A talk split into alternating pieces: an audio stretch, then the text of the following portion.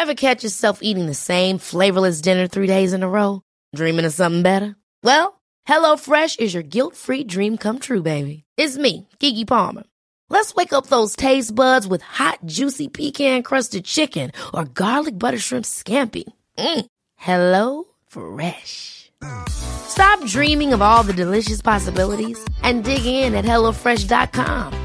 Let's get this dinner party started. Hey, I'm Ryan Reynolds. At Mint Mobile, we like to do the opposite of what Big Wireless does. They charge you a lot, we charge you a little. So naturally, when they announced they'd be raising their prices due to inflation, we decided to deflate our prices due to not hating you. That's right. We're cutting the price of Mint Unlimited from $30 a month to just $15 a month. Give it a try at mintmobile.com slash switch. $45 upfront for three months plus taxes and fees. Promo for new customers for limited time. Unlimited more than 40 gigabytes per month. Slows. Full terms at mintmobile.com.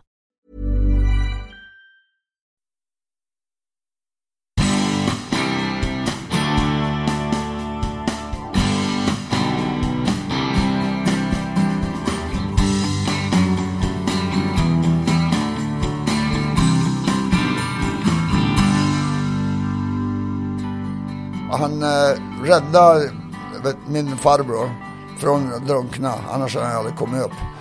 Men, eh, och sen nästa dag så dog han i gruvan, i en gruvolycka. Då låg man ju och tänkte det så, kommer han, då jävlar ska han få klubban rakt i skallen. Ja, man visste ju att han, han kom ju med och försökte skada en. Då jävlar skickar man upp en rakt i nosen på honom. Och det var så man laddade upp. Och sen var sån här standing ovation. Alltså det var ju, det var lite skämmigt lite grann. Men det var, det var lite så här, vad, vad håller de på med egentligen? Så jag snurrade lite grann och jag, jag tackade så här med klubban upp i luften. Men de slutade ju inte. När jag, jag kastade handskarna och så kände jag att, att den hänger utanför, tänkte jag, ögat nu. Alltså det kändes som så. Men det var, och jag tänkte, åh fan den är kvar. Och vilken tur jag har. det var min första, åh vad skönt den är kvar. Det här avsnittet spelas in hos poddens sponsor Nordic Light Hotel. Ett designhotell mitt i centrala Stockholm. Bara 200 meter från centralstationen. Här sitter vi som vanligt i ett fräscht konferensrum med allt vad vi behöver, inklusive en grym service. Innan inspelningen så hade jag ett lunchmöte i den återöppnade restaurang Lycke. Dagens lunch var torsk och som västkustbo så är jag extremt kinkig med att äta fisk tillagad på andra sidan Sverige. Men jag måste säga, den här torsken överträffade alla förväntningar. Perfekt kokt och med väl avvägda tillbehör. Tack Nordic Light Hotel och restaurang Lycke. När jag som barn spelade hockey tillsammans med mina kompisar på frusna bakgårdar och kärn, då ville jag alltid vara Börje Salming. Jag ville åka skridskor som han och jag ville vara lika tuff som han. Börje är inte bara en av våra allra största idrottsstjärnor genom tiderna. Han är den absolut tuffaste och hårdaste vi haft någonsin. Det som skedde på rinken i NHL i början på 70-talet hade idag renderat i livstids avstängning eller kanske till och med fängelse. Då blir det på sin höjd två minuter i utvisningsbåset. Men Börje Salming vek inte ner sig en tum. Han sa sig vara mera kanadensare än vad kanadensarna var själva. Vi pratar om hur det har rötterna i en by som inte har anslutning till svenskt vägnät. Vilken relation han har till gruvor. Tommy Sandelins betydelse. Att klippa sönder sina hockeyskydd. Och hur man lär Walter Skarsgård att åka skridskor. Här kommer legendaren Börje Salming.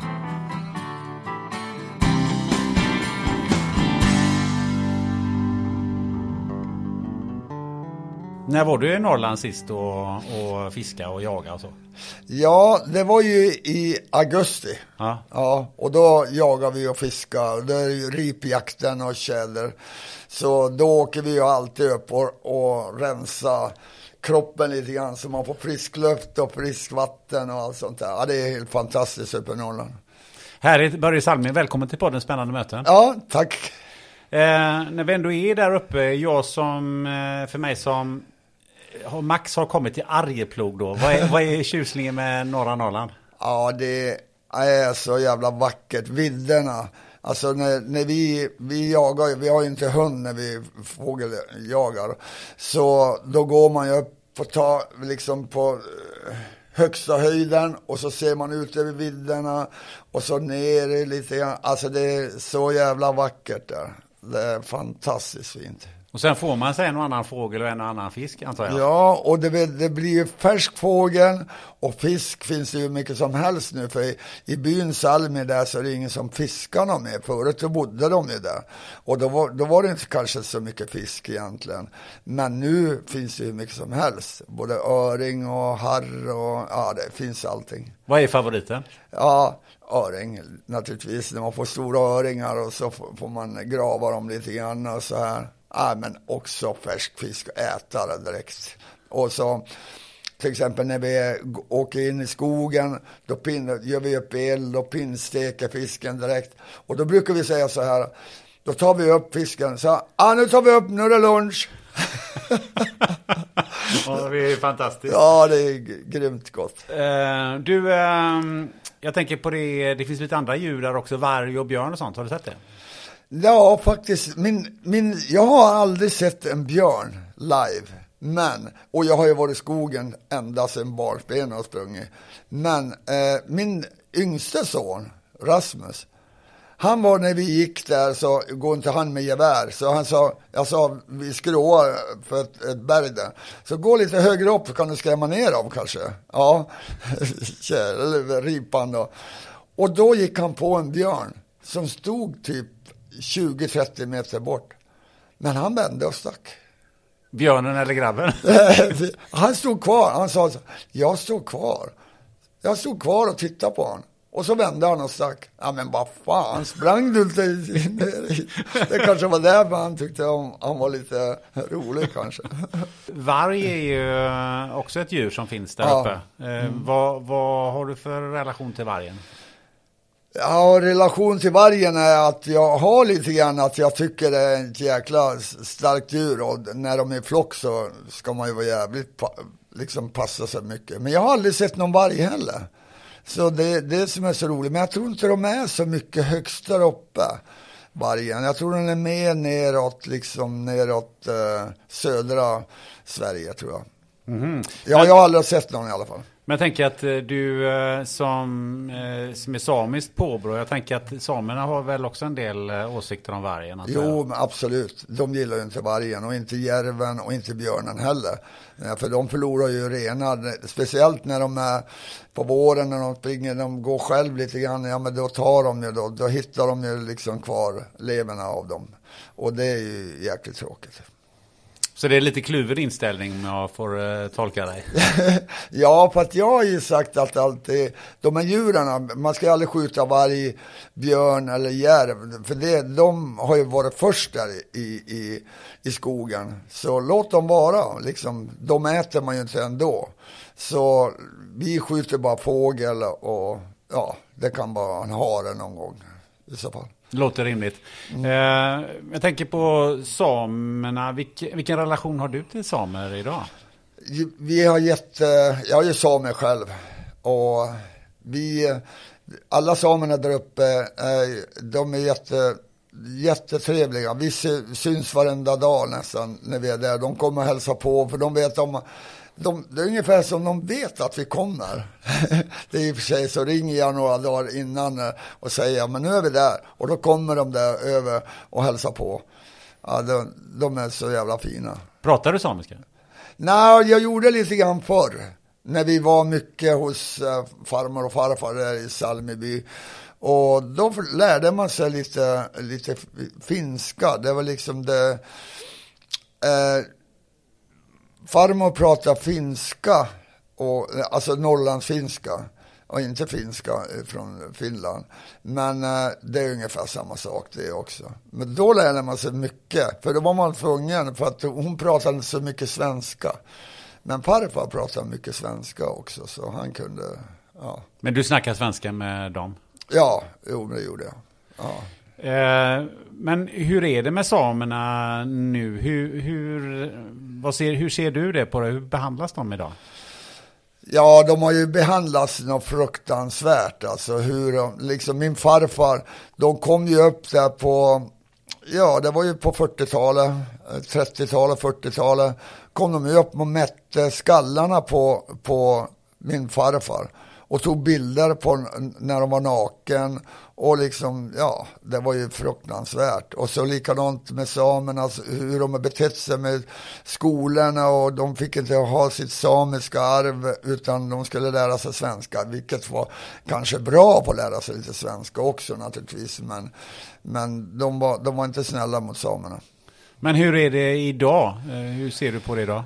Ja, men det är väl bättre nu. Nu vet vi, vi samer, att vi, vi vet vad, vad som gäller också. Så vi kan ju verkligen gå ut. Men nu, idag hörde jag någonting om gruvan i, i Kallak ja, nu har de ju godkänt att de får börja och det är ju tragiskt. Du nämnde byn eh, Salmi. Ja. Om man googlar på den så, så eh, står det att den har ingen anknytning till det svenska nä, eh, vägnätet. Nej, och det är sant också. Det är en väg, det är fyra byar som, som är där och två är vid Torneträsk. Och där går en väg emellan. Och den, den skötte min farfar om, för han hade första bilen på den sidan och skjutsa liksom folk lite överallt och liksom fram och tillbaks från Salmi till, till, till eh, ja, Torneträsk. Men eh, hur, hur fick han dit bilen om det inte finns någon anslutning till vägnätet? Man körde på isen när det var liksom is, liksom inte var för mycket snö på isen. Och, men det är klart, det måste vara tjock is naturligtvis. Ja. Så då körde de över på isen. Men vad betyder det för dig att ha den typen av rötter i en sån by? Det måste vara väldigt speciellt. Ja, men alltså det är ju A och O, liksom det är dit man vill och ladda batterierna liksom. Vi har ju, vi är, alltså det är så fint att vara där liksom. Och det, i våran by så funkar inte telefonerna. De fungerar på en del ställen och på topparna. Men de fungerar inte och det är det som är så bra. För då lägger man undan telefonen, man har med sig och tar bilder kanske och, och sånt. Och så kan man skicka SOS då, liksom, om man skulle vilja. Men eh, mina barnbarn som, som med, och de är 10 och 12 år. Och de sa så här, det är ingen telefonen som fun fungerar där uppe. Och då sa jag, ja, ja, ja morfar, det tror vi på. och så kom vi dit upp. Ja, då fungerar de inte. Ja, men lägg bort dem nu, så jag. Så nu då? Men då hittade jag gamla, vad heter det, sådana här äh, gevär som vi hade tält till, som var på vindan där. Och, och de, de gav dem och de krigade och de lekte ute. Alltså det var fantastiskt. Och fiska naturligtvis. Ja. Och det var ju hur bra som helst. De behövde inte telefonen. Ehm, är det någonting som du själv känner att du har med dig från, från det arvet eh, som du har tänkt på eh, idag så att säga? Ja, lite grann. Och, och, alltså jag är väldigt stolt över att vara same. Liksom det, det, är väldigt viktigt för mig. att få vara och komma hem dit upp i, där var min farfars far och liksom har bott och allting. Det är så jäkla mycket att göra liksom där uppe och, och, och liksom jaga och fiska och, och, bara vara. Är det något speciellt med människorna som, som ja, kommer de, upp igenom därifrån? Ja, men de är hur trevliga som helst. Alltså. De är så glada och trevliga. Och jag, jag tror det är liksom eh, vatten, världens färskaste vatten. Min fru till exempel, hon är ju frisörska, men nu är hon polis. Men hon var frisörska innan. Hon kunde inte fatta när hon, vi badade bastu och så hoppade jag i vattnet, hoppade i, i sjön. Hon sa, mitt hår blir ju, det är helt otroligt, så det blir ju som nytt. och det var vattnet, jag förstår det. Alltså det, bara sådana grejer så blir man ju glad. Häftigt. Eh, jag såg något eh, program. Det är väl någonting man har gjort om hockeylegender och sånt där på SVT. Jag tror eh, du var med rätt mycket där i, i andra ja. delen. Mm. Men där, där sa du någonting också om att eh, eh, det är här man har lärt att göra rätt för sig eller något sånt där sa du. Mm. Vad, vad, vad, innebär det att göra rätt för sig? Jo, men förr i världen så var det inte lätt att bo där. Liksom, det var ju fattigt. Liksom, och då, på somrarna fanns ju fisk och fiskar. Det är klart att kunde isfiska och allt sånt där. Men det, det fanns inte så mycket mat egentligen. Och då var ju tvungen ungarna ut och skickade de ut ungarna för att fixa och dona. Och, ja, och de hade ju hästar och får och, och kor och allt sånt där hade de det där. Men det var de tvungna att skicka ut ungarna på myrarna och hämta hö, liksom där, där det växte. Och då sa de att ungefär ut och har ni inte en hel liksom famn så då får ni ligga över. Alltså det var, det var ju rätt för sig för att man skulle klara sig. Och korna skulle klara sig, hästarna och det som var viktigaste. Och korna som man fick mjölk och allt sånt där. Men det där att göra rätt för sig, hur, hur, hur ser du det i, i, så att säga, i dagens eh, samhälle? Eh... Ja, man ser kanske, visst ser man det på en del människor som ser att man ska göra rätt för sig. Men jag tror man fick lära sig där och göra rätt för sig. Och det är väl det jag har tagit med mig i hockeyn också, liksom att ge 100 procent. Ge allting du har, liksom. det är inget annat som gäller. Och det var mycket det, min farfar också, han var rätt så hård, men det var ju mot sina söner också. Och sen barnbarnen kom de, och sen när man grät eller om det var någonting, man ramlade eller någonting. Äh, lägg av, vad gör du? No. Oh, iväg nu. han var hård på sig, men annars var han jättefin. Tycker du att eh, människor har blivit bättre eller sämre på att göra rätt för sig i, i dagens samhälle? Ja, jag vet inte. Jag är mycket ute och promenerar och ibland sånt här, så man ser väl... Nej, men jag tycker det är rätt så bra. Det är jag rätt tycker, så bra? Ja, ja. Jag, man kan inte gå och titta snett på alla och säga, vad, vad fan gör han för något? Nej, men det, det går inte, då blir, blir man ju tokig. Kiruna är ju där du är född och uppvuxen. Jajamän. Vad, kan du bara ta oss tillbaka där? Vad var det för en plats på 50-talet? Uh, 50-talet, men det var ju jättefin plats. Alltså, man, man glömmer ju aldrig det när man, och mycket snö, mycket, man åkte ju mycket skidor, man gjorde ju allting. Man åkte skidor, man pimplade, man fiskar och min, min styvpappa Isak, som var min farbror egentligen, han eh, eh tog ut oss och jagade och fiskade överallt liksom i skog och mark. Så det var ju det där man fick lära sig att vara och det var ju så himla vackert och, och kul att få vara med och lära sig. Gruvan är ju central i uh, mm. Kiruna kan man ju milt sagt säga. Vad, vad, är, vad är din uh, relation till uh, gruvan? Ja, det är väl, min pappa dog ju där när jag var fem år. Och det var ju tragiskt liksom. Och han hade ju, vi kom ju faktiskt från söndag.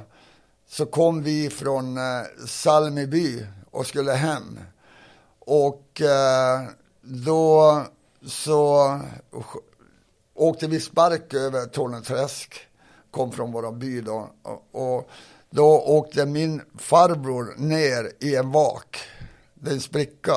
Så min pappa, han räddade han, han höll på att drunkna. Vi var med, vi satt ju på sparken längre bak. Så han eh, räddade vet, min farbror från att drunkna, annars hade han aldrig kommit upp. Men, eh, och sen nästa dag så dog han i gruvan en gruvolycka. Vilket otroligt öde. Ja, ja helt sjukt var det. Vad, minns du någonting utav det där eller? Nej, jag, det, alltså det som hände där, liksom, det kommer jag ihåg. Alltså det glömmer man ju aldrig när han åkte i vaken där och skrek och liksom kom inte upp. Och, och då sprang ju han dit och fick tag i honom och fick upp honom. Ja, så det var ju, det var ju fantastiskt bra gjort. Och sen eh, nästa dag så blir man förolyckad i gruvan. Alltså det är så konstigt egentligen. Vad minns du den, eh, de dagarna där? Nej men det var ju att mamma kom hem, eller det var, var min mammas bror som kom hem, som hade fått reda på det här. I, så, så ringde han, eller kom han över till oss och sa, du, vi måste åka till sjukhuset. Han ville inte säga att han var död då. Han hade ju dött redan. Men, eh, eh, och så åkte de dit, men där fick hon se han, att han var död. Mm. Ja, han krossade tinningen for in i en, han fastnade med eh, överdraget när han skulle skrapa någonting. Och så åkte han in, åkte han in direkt och han dog direkt. Eh, gruvan var ju en extremt farlig Ja. plats på den tiden.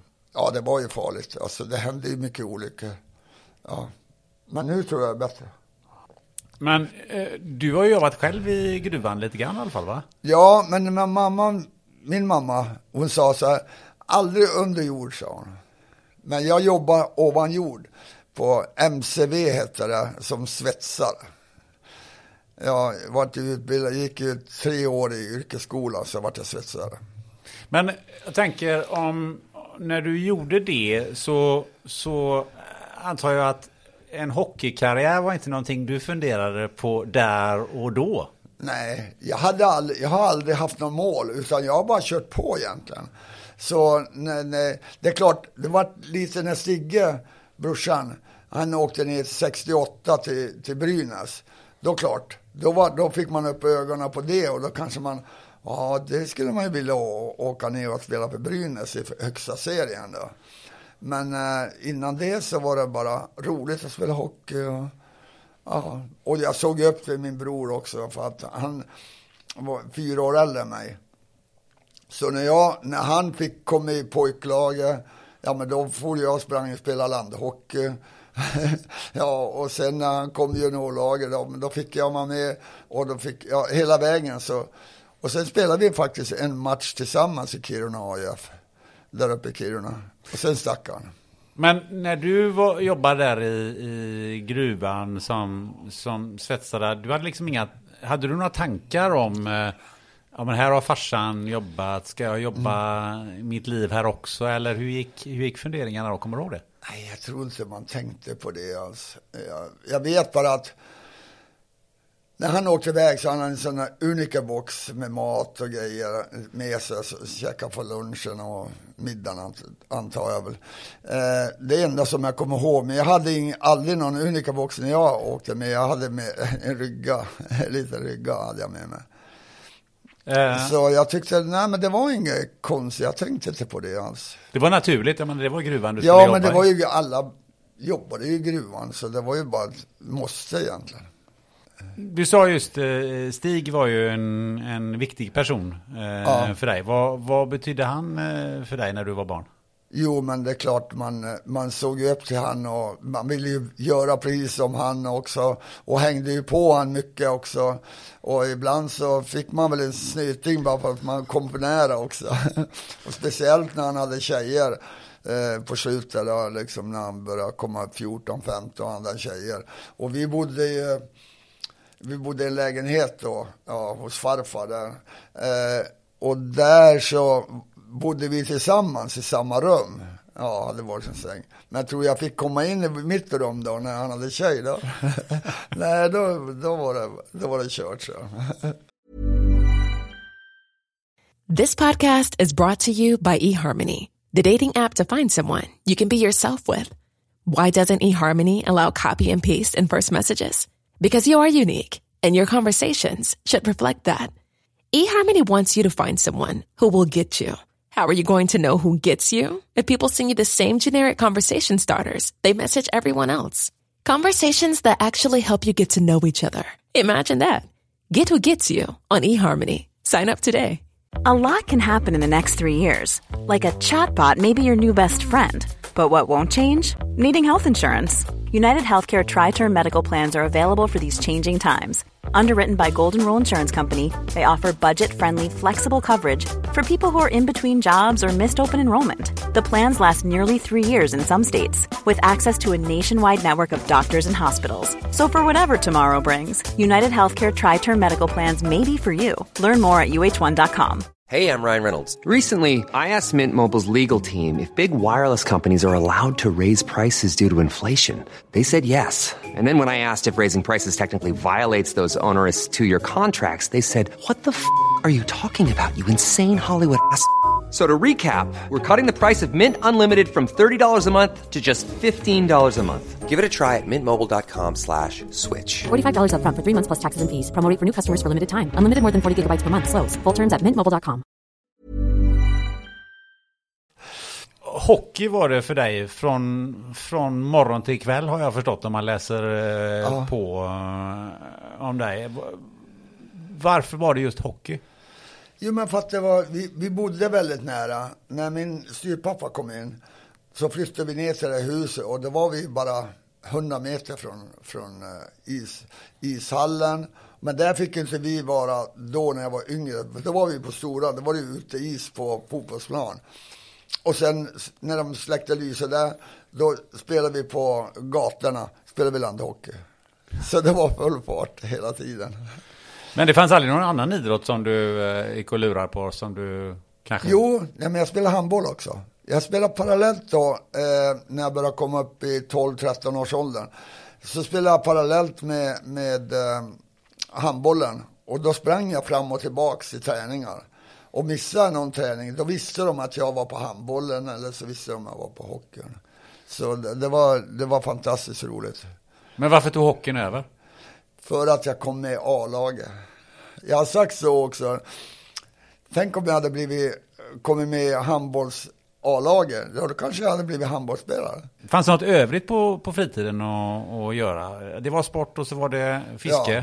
Nej, men, och skidor. Och vi skidor. åkte mycket skidor. Liksom, det var ju, det, de, de hade ju de här uh, Kiruna-spelen. Det var ju Sixten Jernberg och alla de stora killarna. Och det, det var ju Mattojärvi plats, det, det var målet. Så då åkte de ju runt. Och då var man ju ute och tittade på dem och heja och sen var man nere på Mattojärvi och fick autografer. Men skidåkning var aldrig någonting som du fastnade för? Ja, men jag åkte mycket skidor också. Jag var ju- ute i spåren där det var jätteroligt att åka efter de här killarna när de hade tävlat färdigt. Men eh, det var inte, nej det var hockey som tog över. Hade du några idoler på den tiden när, när du höll på med hockey? Nej, det var, det var, det var A-laget när man fick gå, när man fick gå in. Man, man kröp in under, under liksom, man fick inga biljetter för vi fick inte komma in. Men då, då kröp vi under. Vi hade grävt under på, på långsidan. Då hade vi grävt ett hål under, så vi kröp under och kom under. Så när folk stod där så kom vi kröpa upp, ja med tre, fyra grabbar. Och så tittade vi på hockeyn. Så gjorde vi. Så det var AI, eller eh, det var Kiruna eh, killarna som var idolerna kan man väl säga. Ja, Kiruna AIF, det är väldigt viktigt eh, i Kiruna. Mm. Finns det två eh, hockey? Ja, det, det fanns två. IFK Kiruna och Kiruna AIF. Och det var riktiga derbyn när vi spelade där. Jag lovar det. Och sen när brorsan spelade, när jag spelade, innan jag kom upp i A-laget. Ja, det var riktigt roligt. Eh, för vad jag förstår så, så fanns ju liksom ingen, ingen tv att titta på hockey. Nej, det fanns ju inte det. Och tvn kom faktiskt, eh, när kom tvn där? Jag kommer bara ihåg när han kom, men då bodde vi i lägenheten. Och då fick vi en, en, en, en tv där. Men eh, ja, vi tittade inte så mycket på tv. Vad, vad gjorde att du hamnade i Brynäs sen då? Det blev så att brorsan ringde och sa att de, vill, att de ville att jag skulle komma ner och spela. För landslaget var där på träningsläger i Gävle. Och så skulle de spela en, en träningsmatch mot, eh, mot eh, Brynäs. Ja. Och då ville han, då, och då var det Brynäs som skulle spela landslaget. Ja, och då, då fattas det ju att spela. Och då tyckte de att jag skulle komma ner och spela. Och det var så roligt att för det gick jättebra och spela mot landslaget. Det var ju bästa. Och det, de såg väl någonting. Det var eh, Ture Wickberg som var, eh, vad heter det, eh, han var ordförande, chefen där. Så han kom efter matchen och sa så här, börja gå, ta ut en, en jacka, klubbjacka och så ett par Playboy-skor. Sa, på Herres heter det, affären där, var de plockade ut jackorna. Jaha, vad menar du? Ja, gå dit och hävda, du ska spela Brynäs. Nu. Hur gammal var du då?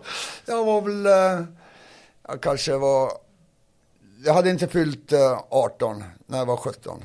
Vad sa de i Kiruna AIF då? Ja, det är klart de var inte glada för det naturligtvis, men, men eh, vad ska man göra? Såklart. Ja, jag varit jätteglad och Stigge hade ju åkt dit så de kunde inte säga så mycket. Vad var Brynäs för eh, klubb då, när du kom dit? Ja, det var ju bara liksom, det var ju, halva laget var ju i, i landslaget liksom, det var ju hur många som helst. Man, de var ju, man sa inte ett ljud när man kom in. det var ju Tollund som var ju från Kiruna, Lars-Göran Nilsson har ju spelat Kiruna. Ja, liksom, det var så många stora där. Alltså det var eh, Lillepussen Karlsson, Håkan Wickberg. Alltså det, det var så grymma hockeyspelare där, så det var roligt. Vad var det för stämning? Ja, det, det var hårt. Det var väldigt hård stämning. Men eh, man sa inte så mycket när man kom in och satte sig där och spelade. För att de, de, hade, de var mycket rivaler som, som eh, de, var, de var så duktiga så de ville vinna till 100 procent. Och då liksom var det, var det någon som inte tog i, liksom, till exempel på en träning eller så, då fick han skit när man kom in i omklädningsrummet. Så det var bara att ge 100 procent alltid.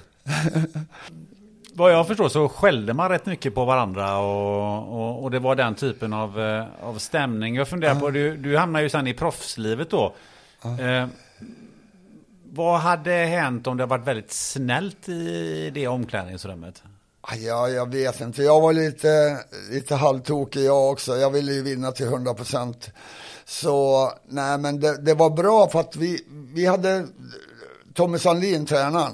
Han gjorde upp oss i femmor, femmer. Så spelade vi också matcherna. Så det var gula femman, svarta femman, röda femman och så var det en annan färg.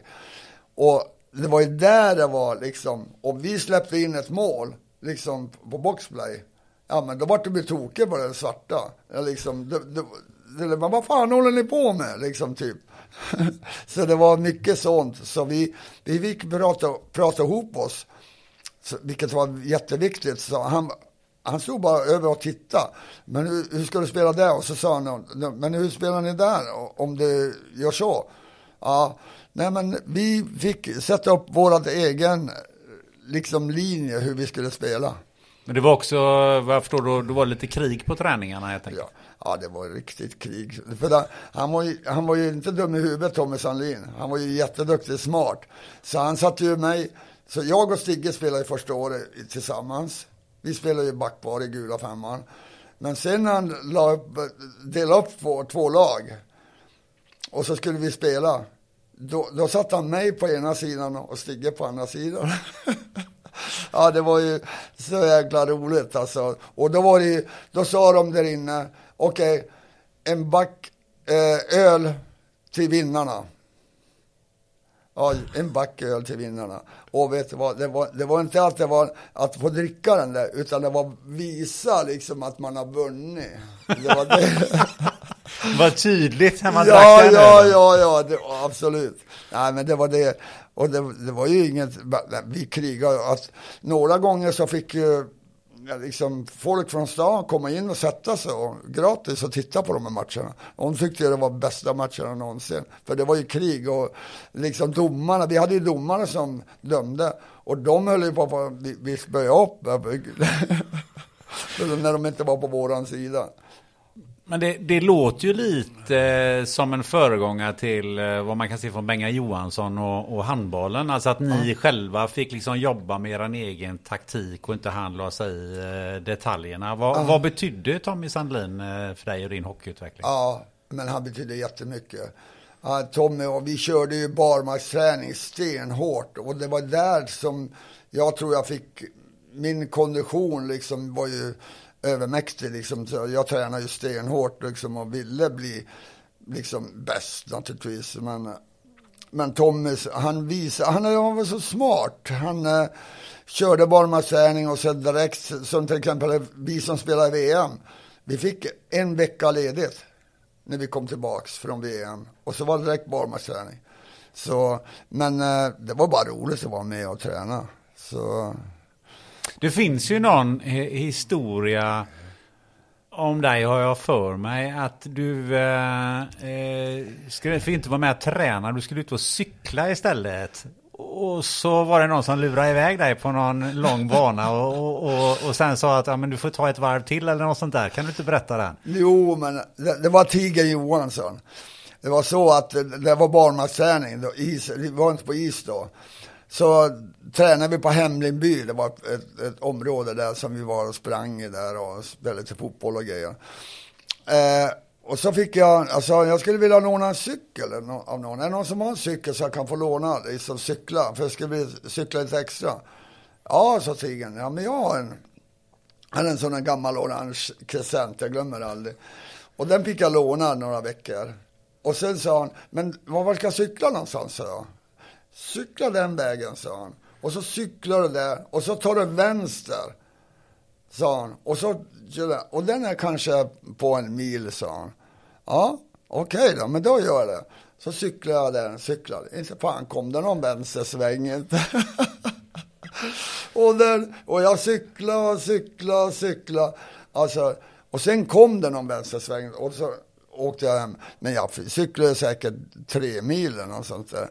Och, och när jag kom tillbaka så, ja, det, det var samma dag som jag var ute och cyklade på morgonen. Och så cyklade upp till, till Hemlingby där. Och då höll de på att garva ihjäl sig. Då hade ju tigen berättat liksom att han hade skickat iväg mig. Och de tittade, hur gick det att cykla? Och sen började alla garva. Då förstod jag att han hade lurat mig. Ja, vad härligt. Men den konditionen hade du eh, god nytta av för att ja. nästa steg blev ju NHL. Ja. Hur hamnade du där? Ja, det var ju... Eh, egentligen så var det Jerry McNamara som, eh, som han heter. Han var scout. Han var första scouten i Sverige och jag tror han var första scouten i Europa som första som kom över i Sverige och tittade på, försökte liksom, och han var intresserad av Inge Hammarström. Och en målvakt som spelade i Södertälje. Så han, eh, när han kom hem så hittade, var, följde han med ett lag som heter Barry Flyers. Och då skulle han titta på Brynäs och Barry Flyers. Och de var med i en sån här julturnering. Ja, och så kom han, och så följde han med Barry Flyers när de kom till Gävle så följde han med och så stod han, satt han på läktaren där och skulle titta på Inge Hammarström. Och då fick han se mig då, som började, ja men jag liksom, började Flyers, de, de försökte ju verkligen spela hårt och fult och de var ju kanadensare. Ja, och det gillade inte jag, eller Sigge eller något sånt där. Så vi gav ju tillbaks i 200. Och sen eh, åkte jag på en matchstraff. Och då hade man han sett det, det var i tredje perioden. Så då fick jag gå in, jag fick en matchstraff, så då fick jag in och sätta mig i omklädningsrummet. Då kom han in, Jerry. Och kom han in, eh, och jag fattade inget, jag, jag hann inte liksom läsa så mycket engelska i skolan. Jag sa liksom engelska, vad fan behöver jag det? Det behöver ingen engelska. ja, det fick jag äta upp sen. Men i alla fall så kom han in och så sa han att, jag tänkte, vad fan, vad är det där för snubbe? Hej, sa han. Jag heter Jerry McNamara och kommer från Toronto Maple Leafs. Jag fattar ingenting heller. Så sa han att, eh, do you wanna play hockey in, in, uh, in uh, Canada? Toronto? Och det fattade jag liksom, att hockey i Kanada. Så sa yes. Och då sa han, så gav han mitt kort och där stod det, så titta på det, Jerry McNamara, Toronto Maple Leafs. Så, I'll be in touch, sa han. Och så gick han. Det var vad han sa. Han då? fattade ju det, liksom att jag förstod ju inte det. Men jag såg ju det här, tänkte jag, oj jävlar. då förstod jag, det hade jag ju hört talas om, Toronto med polis och sånt där. Vad hände sen då? Sen då hände det inte så mycket mer, men Inge pratade med mig. Så då, då kom vi till VM i, vi spelade VM i Moskva. Och då, kom det, då fick vi höra det av Inge, så hade de tagit kontakt med Inge för han kunde lite engelska. Så, eh, så skulle de komma dit och då ville de träffa oss. Och då i hemlighet så träffade vi dem på ett hotellrum. Jag vet inte om det var samma hotell som vi bodde på, jag kommer inte ihåg riktigt. Men i alla fall så gick vi upp där. Och där berättade de för att de ville att vi skulle komma över. Och det var ju efter halva, för det hade ju gått jättebra där. För mig och Inge och, och alltihop. Så uh, han sa så här, vi vill att ni ska komma över till Toronto och liksom se hur, vi, hur det ser ut där borta. Och det var direkt efter, så två, tre veckor, ja visst vi, vi åker över så. Så två, tre veckor efter VM, då åkte vi över, jag och Inge. Men då hade vi med oss en kille, en jurist som heter Björn Wangsson. Det var lite den första sportjuristen, kommer jag ihåg. Jag känner Ja. igen det namnet. Ja, ja, Björn Wangsson. Ja, jättefin kille.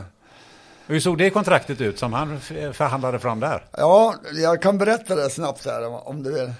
Så när vi åkte över kom vi dit bort och de tog emot oss där och hämtade oss och allting. Och så var vi käka på en restaurang där med sådana här stora saftiga biffar och wow, det var ju fantastiskt gott och allting. Och sen då så nästa dag så skulle vi upp till general manager Jim Gregory.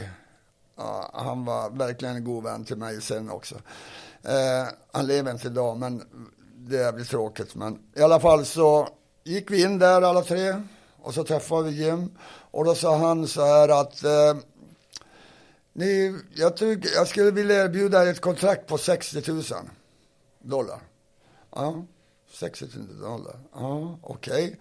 Så tittade vi på varandra så här. Och då sa han så här, men gå ut och pratar ni igenom det här och så kommer ni in igen. Om ni tycker det är bra. Ja.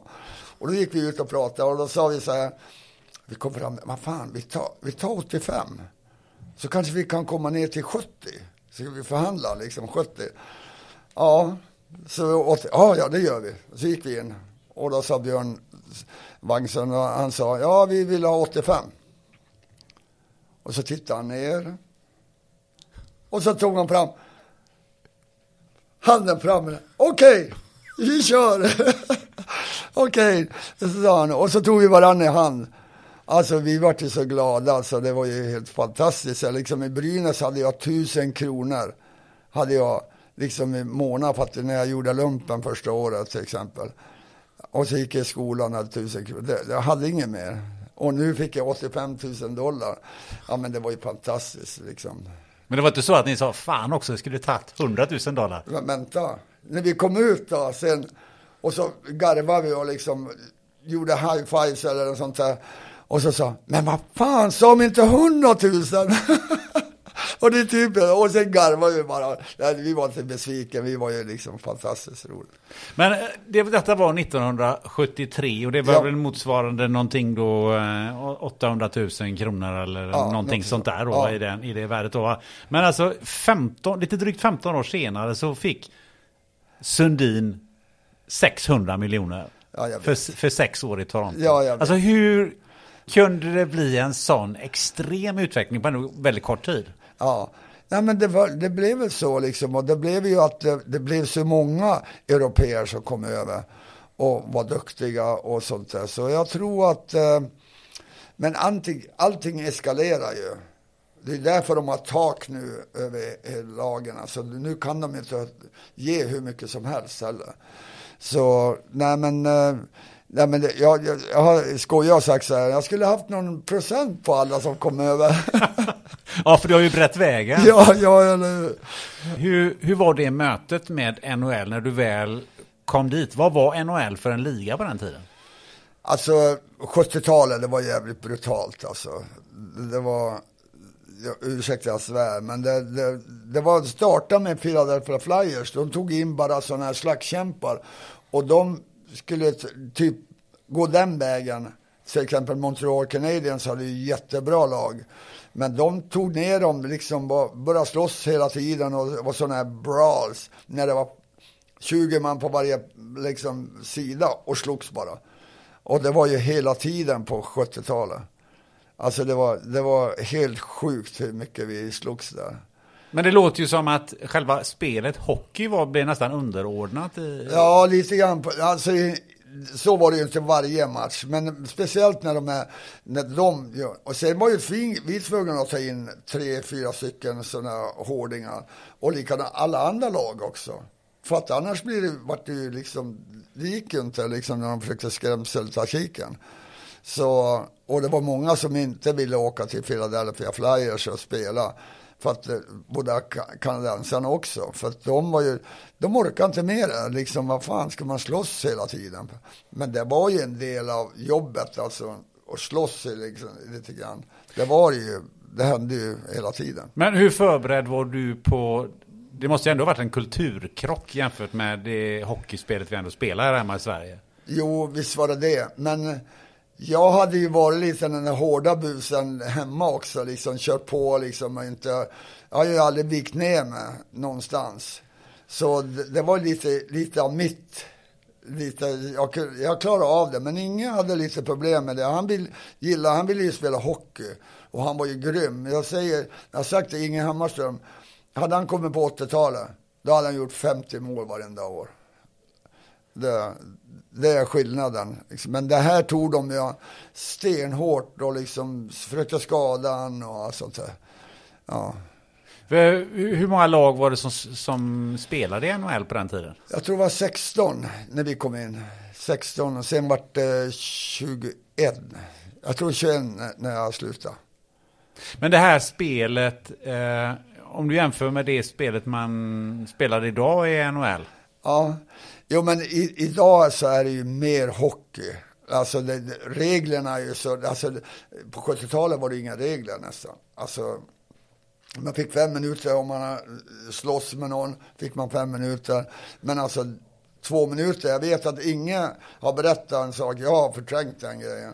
Men det var den Edvan Impet, han är nummer två i Philadelphia. Han spirade mig på blå linjen. Jag kom ju ner, jag använde ju pucken mycket, jag åkte ju mycket med puck och allt sånt där. Och de, de fick ju order att ta ihjäl mig till varje pris. Och det fick jag bekräftat av Bobby Clark som var deras kapten längre fram. Men, eh, men Edvard Imp, han spirade mig, han kom som en lans och tog mig, jag såg inte han. Och tog mig rakt i bröstet.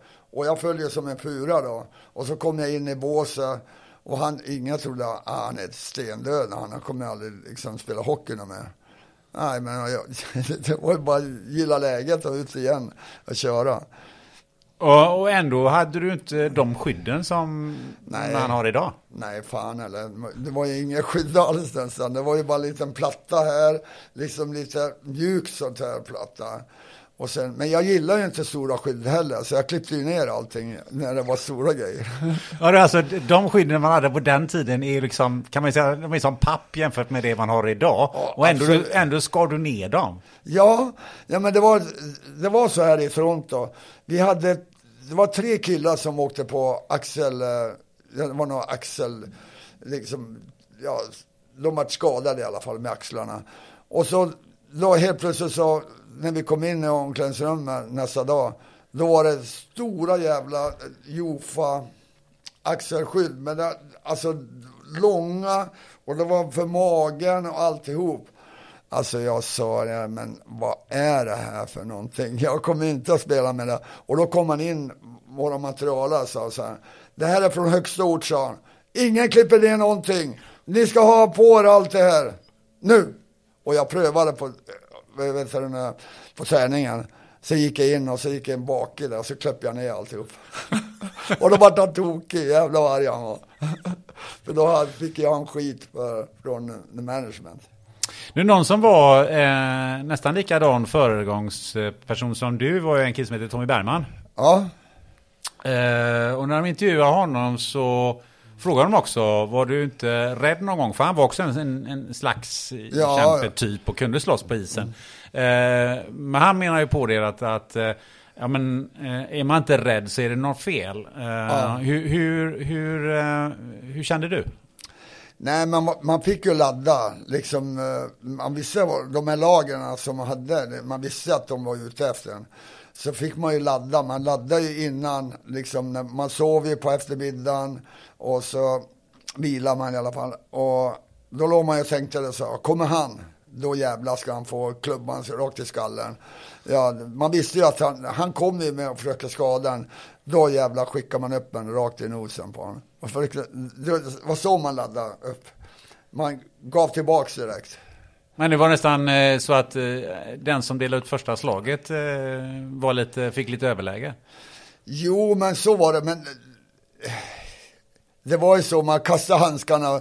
Och, men kastar han handskar, då måste man ju kasta handskarna direkt. Och så, men, men de lärde oss faktiskt innan i träningsläget när jag och Inge kom dit, så lärde de oss hur man skulle hålla och allting sånt där och, och tekniken och stå på liksom, för det, för de, det var mycket liksom hur man kunde få ner en på rygg och allt sånt där. Liksom det, det, det fick vi lära oss och det var jäkligt kul faktiskt. Men var du, tillbaka till frågan, var du rädd någon gång själv?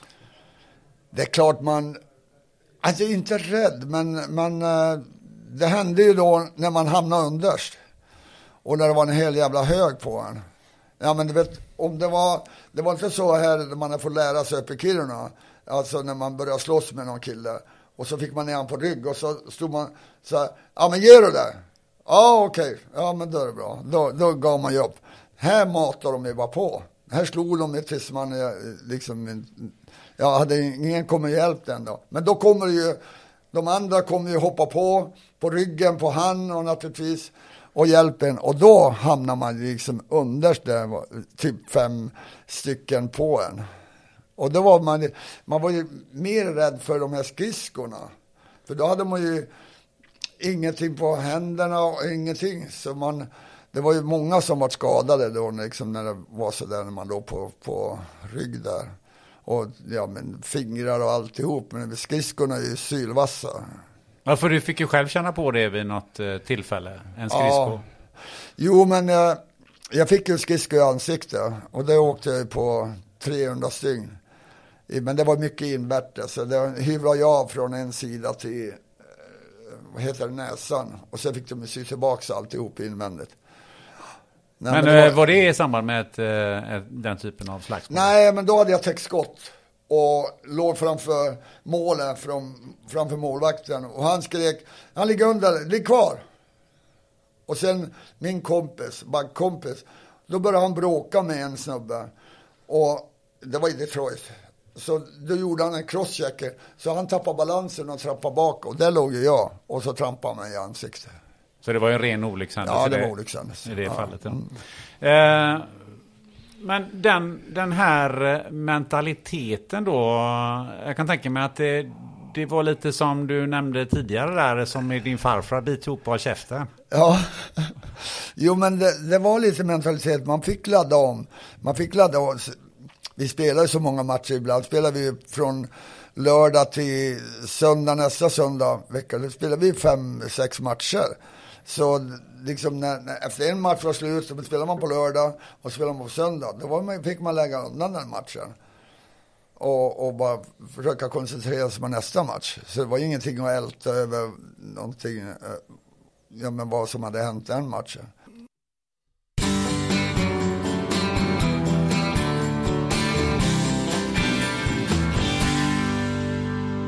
Den här podden den sponsras av Life Genomics, ett kliniskt laboratorium i Göteborg som bland annat erbjuder covid-tester. Har du precis bokat en resa på kort varsel och behöver PCR eller antigentest för covid-19? Ja, då kan du gå in på coronapassport.se för att hitta en vårdgivare i din närhet och boka en tid för test och friskhetsintyg. Life Genomics har samarbete med ett 150-tal kliniker över hela Sverige. Och om du reser från Arlanda eller Landvetter så kan du nu även testa dig direkt ute på flygplatsen vid Life Genomics Lab i samarbete med vårdgivaren Express Care. Där kan du få ett antigentest med reseintyg inom 30 minuter och ett PCR-test och reseintyg inom 2-4 timmar. Så, gå nu in på expresscare.se och boka din tid direkt. Tack, Life Genomics!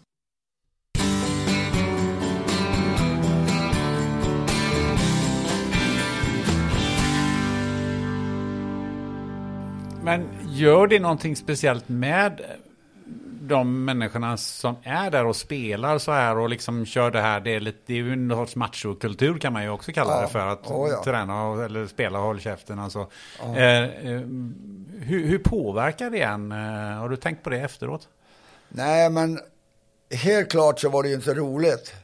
Nej, jag har, eh, jag kan ta det sen men det när man stod på en teckning till exempel mitt, mitt i, alltså mitt på plan. Och då till exempel om man nu tar som exempel Philadelphia Flyers, då stod de upp hela jävla laget och skrek åt mig. Salming, your fucking shit, you're gonna kill you, you fucking touch the puck, you're dead. Liksom allt sånt där skrek de allihop. Och sen var det inte bara dem. Då skrek ju, vad heter det, alla på läktaren också. Och det är klart man försökte, man sköt ju bara undan, men, men visst hörde man dem. Och sen stod en jävel bredvid en här och så stod, sa samma sak. så det var ju, alltså det, jag tror man förträngde allting då. Men så här efteråt när jag har, när jag har hört, eh, det var en eh, podd som, där bortifrån, och då har de pratat om mig, om den. jag fick höra den. Och så fick jag höra om allt det här, vad jag fick gå igenom. Allting med matcher och de försökte ta ihjäl mig liksom och sånt där. På grund av att man var en kugge i laget.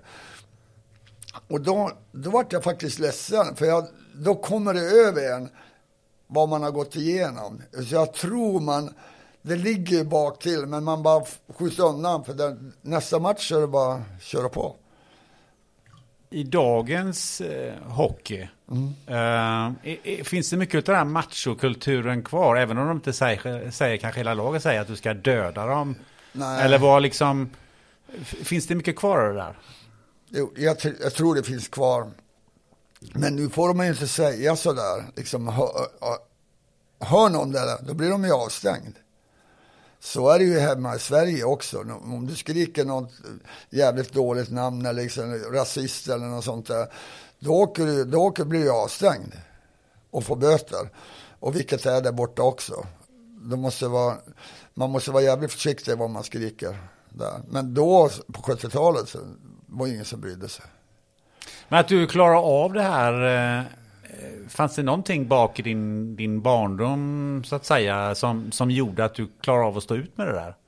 Ja, men jag tror också det att, nej, jag hade ingen pappa som var där och tittade på mig och mamma hade ju följt upp och kunnat ta hand om oss.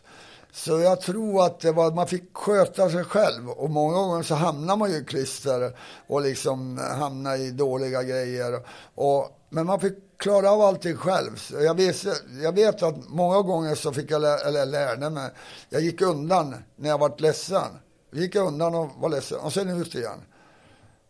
Vad det nu var för någonting. Vart man ledsen, men man ville inte visa, man fick inte visa åt någon. Och det, var, det kom mycket hemifrån farfar och det här att man inte skulle gråta och visa någon. Så jag tror man, det, det kommer nog mycket därifrån. Några år senare så spelade du Canada Cup. Mm. Eh, och eh, inför första matchen mot USA, den var lite speciell va? Ja. Vad hände? Ja, nej men det var ju, alltså vi spelade ju Maple Leaf Garden som min hemmarink. Och så jag trodde när jag skulle spela för Sverige att det kanske, de skulle kanske bua åt mig liksom och sånt där. Och så blir man ju, och sen eh, Hardy Åström som gick in, åkte in i målet och sen skulle jag ut och sen var sån här standing ovation. Alltså det var ju, det var lite skämmigt lite grann. Men det var, det var lite så här, vad, vad håller de på med egentligen? Så jag snurrade lite grann och jag, jag tackade så här med klubban uppe i luften. Men de slutade ju inte.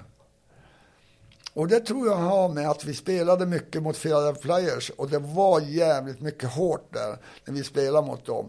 Så det, det, och det var ju bara några tre månader innan som vi, de slog ut oss i, i semifinalen i, i, ja, i sjunde matchen. Så det var, det var mycket, hände mycket och jag gav ju järnet där och allt sånt där. Så de, de ville visa verkligen att de, de gillar mig. Jag, jag har ju förstått det så här efteråt, men då tänkte jag, vad är det de håller på med? Men det, det roliga är att de gjorde det mot Kanada också. Ja, i den matchen mot Kanada. Ja. ja, så det var ju mot USA först och det var ju surprise. Jag tänkte nu kan de inte göra det, men nu är Kanada, de älskar ju de grabbarna. Och i line-upen var Lenny McDonald och Darren Sittler. Min kapten och, och spelare som jag de var ju starting line Och då fick jag sån här standing ovation igen. Och de fick applåder. Men det roliga är att vi har aldrig pratat om det någonsin. Varför det? Jag vet inte. Jag vill inte säga heller. Jag tyckte kanske synd om dem. Jag, jag, jag skämdes lite grann för att de gav mig det. som spelar i Sverige. Och där står de i kanadensiska liksom, matchtröjorna. Och de får inte sådana standing ovation. Men vad, vad, tror du att det berodde på att, de, att du fick detta? För det är ju ingen annan spelare som fått det förr eller senare. Nej, nej. Ja, det, det är ju ofattbart egentligen. Ja, men de ville visa att uh, den här svensken som kom, som, som det stod i tidningen någon gång också. Han, han, han sa, eller han hade skrivit någonting att Börje Salming, han är, han är mer, är mer kanadensarna, mer, än, mer kanadensare än kanadensarna själva. Så, skrev han. Jaha, tänkte jag, vad fan, det var ju bra. Var...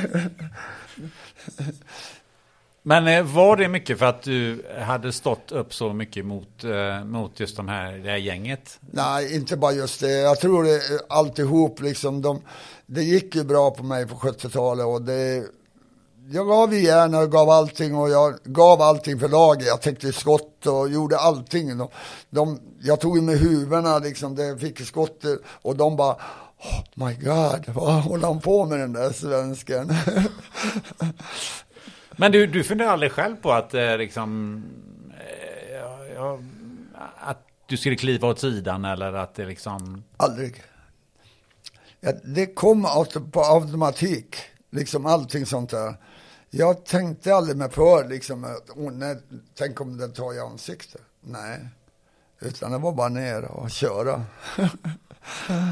Men om, man, om du skulle jämföra den hockeyn du spelade då, på den tiden, och så, mm. så här, plocka in det, jag vet inte om det går, men, men om man skulle säga så att du skulle vara hockeyspelare idag, mm. hade du haft lika mycket framgång tror du? Ja, jag tror det faktiskt. Min, min uh, skridskoåkningen var ju min grej. För jag, jag, fram, liksom, jag åkte ju mycket med puck och allting liksom så här. Och jag, jag var rätt så snabb. Men eh, jag var ju duktig med pucken också, så jag var ju på powerplay, alltid på boxplay. Jag fick ju spela hur mycket som helst. Så, nej men jag... Nej men jag tror, jag tror inte, jag, jag tror faktiskt att jag kunna, skulle kunna klara mig lätt. Men de åker ju väldigt bra. Men nu ska man veta också att liksom skridskor och klubbor och allting har ju blivit så mycket bättre nu för tiden. Och hade jag fått det också så hade jag säkert blivit, ja, klarat mig rätt så bra tror jag. Men vad, vad är de största skillnaderna mellan, mellan den hockeyn som spelades då och idag? Mm. Um, alltså dels material men även själva spelet. Ja, men jag tror att idag så får man åka skridskor. De som är bra åka skridskor, ja men han får åka skridskor. Det, ta en tackling på han, ja okej, okay. men han, man fick inte liksom veva med klubban mot huvudet. Då, då, vet man ju att man är avstängd för liksom resten av säsongen. Så det är det som är reglerna nu som är så bra. För att nu kan de, de är som är duktiga, de kommer, kommer undan allt det där skrotet. Ja. Och det är därför jag har sagt det, i Hammarström till exempel. Hade han fått spela nu hade han ju gjort 50 mål lätt.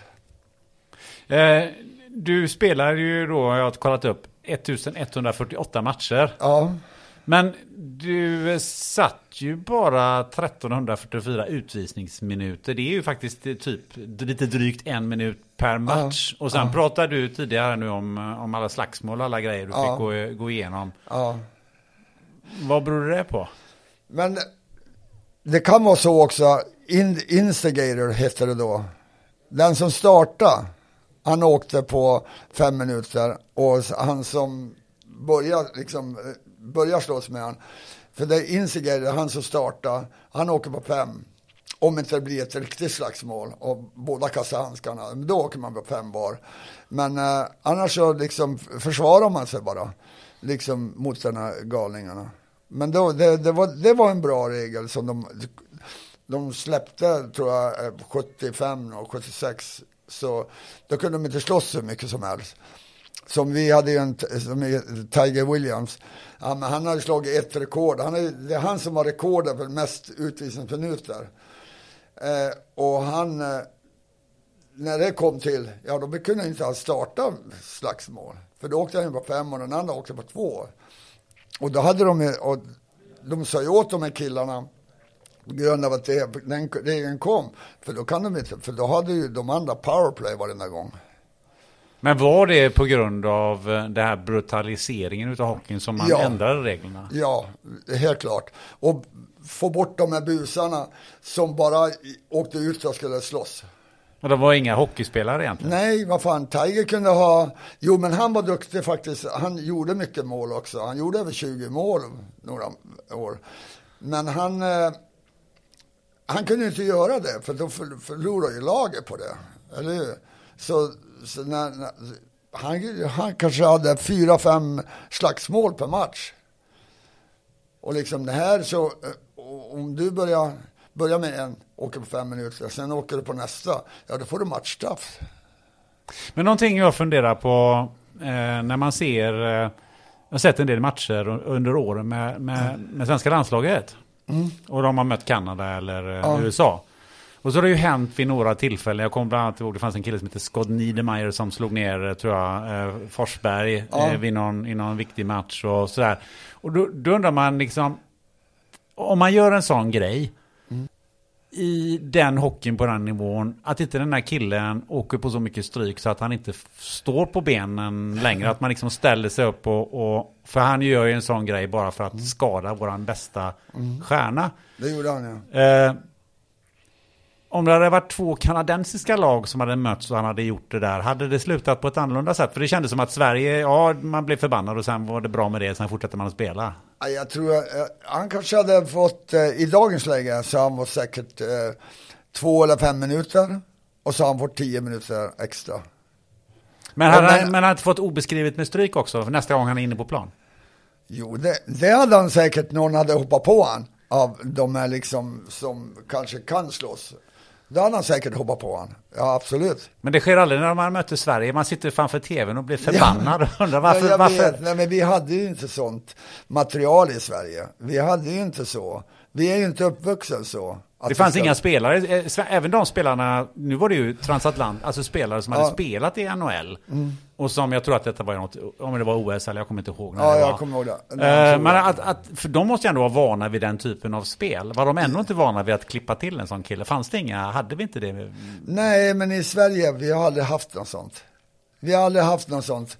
Ja, det var min bror till exempel. Han fick ju mycket skit för att han, eh, när de spelade mot Kanada så gav jag han tillbaks. Ja, men vi hade, han hade ingen sån här backup som skulle kanske hjälpa han om han åkte på rygg. Nej, men Stigge har ju aldrig velat ta emot någon jävla skit, utan han har ju varit steltuff.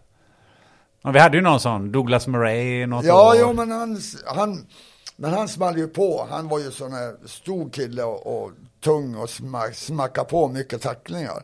Vilket han var bra på. Ja. Ja, men det var sidospår där. Men eh, tillbaka till din, eh, eh, till din eh, karriär. Vilka, vilka svenska spelare kommer du ihåg eh, från den tiden? Eh, som spelade i de andra lagen? Ja. Ja, men det var många som kom då. Det, när vi, efter två år så ko- kom ju World Hockey League. Så vart det en konkurrerande liga som för- försöker konkurrera ut NHL. Och dit kom ju Winnipeg, Winnipeg kom ju, då kom ju Lill-Pröjsarn och Hedberg och ja, det var ju jättemånga, Billy Lindström och jag vet inte hur många som kom dit. Som spelade där, det var fem, sex stycken. Ja, som spelade i Winnipeg. Och sen i andra lag också, i VHA. Men det var ju mycket för att det fanns plats där också. Så, men eh, de var ju duktiga. De hade ju kunnat, sen vart ju de, åkte, gick ju de, Lill-Pröjsarn och Hedberg gick ju till Rangers. Ja, spelade där några år också. Ja. Eh, men sen fanns en udda figur där som heter Joa Widing. Ja, men han var ju först. Eller först vad vet jag inte, det var, det var några stycken som åkte över som var i träningsläger. Ulf Sterner till exempel spelade ju Rangers något halvår och sen åkte han hem. Och Joa Widing, han åkte över som junior. Han åkte som junior, spelade juniorlaget där, liksom juniorserien. Och sen gick han ju, kom han ju upp till Los Angeles. Han var jätteduktig. Jättefin kille. Eh, Du har ju fått tre tunga utmärkelser, eh, förutom alla andra utmärkelser. Men som jag i alla fall kan tycka att du, har ju, du är ju eh, staty utanför Air Canada Center. Ja. Och så har du tröjan i taket i samma arena va? Ja. Eh, och, och så är du med i Hockeyns Hall of Fame. Ja. Är det de tre tyngsta meriterna du har? Ja, det kan man väl lugnt säga att det är. Och speciellt där borta. Eh, det är jävligt stort alltså. Jag, jag trodde alltså när jag kom med i Hockey Hall of Fame. Då trodde jag liksom att, ja, för jag hade ju hört så mycket liksom inom laget och alla runt omkring att, att det var det största. De, kom jag med i Hockey Hall of Fame. Då blir jag så jävla glad alltså. Det var så grabbarna sa. Ja. Det var deras dröm efter hockeyn. Ja. Och sen när de ringde mig och sa att jag skulle med i Hockey Hall of Fame, för jag var ju först som svensk i alla fall in där. Så ja, då, då grät jag faktiskt, efter jag la på. Jag tackade och så grät jag. För jag var så glad. För att jag visste hur mycket det betydde för alla hockeyspelare där borta att komma med där. Och så fick jag komma med där. Alltså det var ju helt otroligt stort. Och sen hissade de upp tröjan i... Ja, sen hissade de upp tröjan också. Och det var ju fantastiskt det också. Att Få komma tillbaks där och alltså det var, komma tillbaks till Maple Leaf Gardens och allting sånt där. Ja, Där var det ju- standing ovation på det. Ja, ja, men det var det ju faktiskt. Ja, det var ju jä- jätteroligt. När, när blir du staty i, i Sverige utanför en, eh, en hockeyhall? Det vet jag inte om jag kommer bli. inte i Sverige, men, Men är, är du större? Betyder det att du är större i Kanada än vad du är i Sverige? ja, jag tror det faktiskt. I, i Toronto speciellt. Eh, så där har de ju sett liksom vad jag har gjort och jag har ju varit där 16 år och, och jag tror de eh, tog till, sig mig, till mig i si, sina hjärtan för att jag, har fått så mycket tillbaka av de här människorna där de älskar de mig, det är, de- det är det de säger. Och likadant mina kompisar som jag spelar med också, de tycker också samma sak. Men jag har ju också varit jag har gillat liksom laget, liksom laget går först. Liksom. Jag har aldrig tänkt liksom att jag ska göra mål och sånt där, utan ut och vinna. Och sen har jag tänkt liksom på krama om grabbarna efteråt. Och det, det, det var mitt, mitt roliga, liksom, när, vilken känsla det var att vinna tillsammans med grabbarna. Det är kanske det som gjorde också att du fick en standing ovation, att du var en del i ett lag. Ja, det, det var det nog. Jag tror det var för att jag gav allting eh, 100% i, i alla matcher och de, de såg det också. Och det var det jag sa också, att de, de tyckte liksom att jag var mer kanadensare än kanadensarna själva. Och det, det kan man säga, det är en bra merit. Ja, det är en bra merit, ja. Men eh, everything comes with a price. Ja. Eh, du, du fick ju betala ganska högt pris med, med alla skador. Mm. Vi har pratat om skridskon i ansiktet. Vad, vad, vad är det mer för grejer som du har, eh, som Ja, du jag- har råkat jag- ut för? Ja, jag tycker inte den var värst, men det är klart det syntes ju värst naturligtvis. Men det var klubban som jag fick i ögat, som jag tappade ju, så jag kan inte läsa med, med höger öga. Men eh, jag ser bra på långt håll. Eh, så, men eh, det var värsta för att när jag fick den smällen, så då, då träffade den, alltså den slog av näsbenet och så träffade han ögat. Och det var intryckt, det var intryckt i, i liksom bakskallen. Så det var som en explosion. Så jag, jag trodde faktiskt, när jag, jag kastade handsken och så kände jag att, att den hänger utanför, tänkte jag, ögat nu. Alltså det kändes som så. Men det var, och jag tänkte, åh fan den är kvar. Och vilken tur jag har. det var min första, så, åh vad skönt den är kvar. Men sen då så bröt jag näsbenet och sen fick jag det var lite roligt faktiskt, när jag kom till båset så, så hade näsbenet gått av och blodet hade gått baklänges så jag började liksom, det kom, jag kunde inte andas så jag började hulka, så jag hulkade precis när jag kom in i båset, hulka. Så min materialare sa att du skulle ha sett liksom publiken bakom mig, för de sitter ju rätt så nära där med Maple Leaf Gardens, så att med, och de höll på att svimma av där, gamla tanten och gubbarna. Men eh, eh, det gick bra med ögat så långt. Ja, det gick jättebra. Jag var inne, var ju slutspelet mot Islanders. Eh, och då åkte jag in på sjukhuset, jag var där en vecka, så jag var blind en vecka. Så de satt på mitt andra öga så man inte, du vet man rör man ena ögat så rör man andra och det skulle vara still. Liksom så, ja det skulle vara stilla så. Nej men det, det var inget roligt egentligen, var blind en hel vecka. Men eh, apropå rädd, hur rädd var du då? Nej, jag var inte så rädd egentligen. Han sa liksom, det, kom, det ena ögat, eller det ögat var ju helt rött. Liksom blodsamlingar i den, så man såg ingen, ingen, någonting av pupillen eller någonting. Men han sa att vi får se efter en vecka hur det ser ut. Ja. Men då började jag komma tillbaks. Liksom där. Men det tog ett bra tag, hela sommaren innan jag kunde se egentligen genom ögat. Men du fick rätt mycket post då, jag har läst mig till. Ja, när vi kom därifrån så, alltså de försökte komma in, och journalister och allting, människor, de stökade ut sig, såna, de snodde liksom läkare, vet rockar och försökte komma in och skulle prata med mig. Men jag sa, jag vill inte ha någon folk där så, så men eh, när, vi, när jag skulle åka hem, då hade de satt eh, en hel säck med, med, med brev från Fansen. Men de erbjöd dig sitt, sitt egna öga, har jag läst ja, mig till. Ja, men jag, fick, jag kunde inte läsa så jag fick inte, jag fick inte titta på något brev. Utan när jag skulle gå, då hade jag tagit bort det. Då sa han, här, glöm inte den här säcken. Vad fan är det där? Ja men det är brev. oh my god, tyckte jag. men en annan sak man snackar mycket om nu, det är ju hjärnskakningar. Ja. Eh, hur, hur mycket sådana smällar har du åkt på?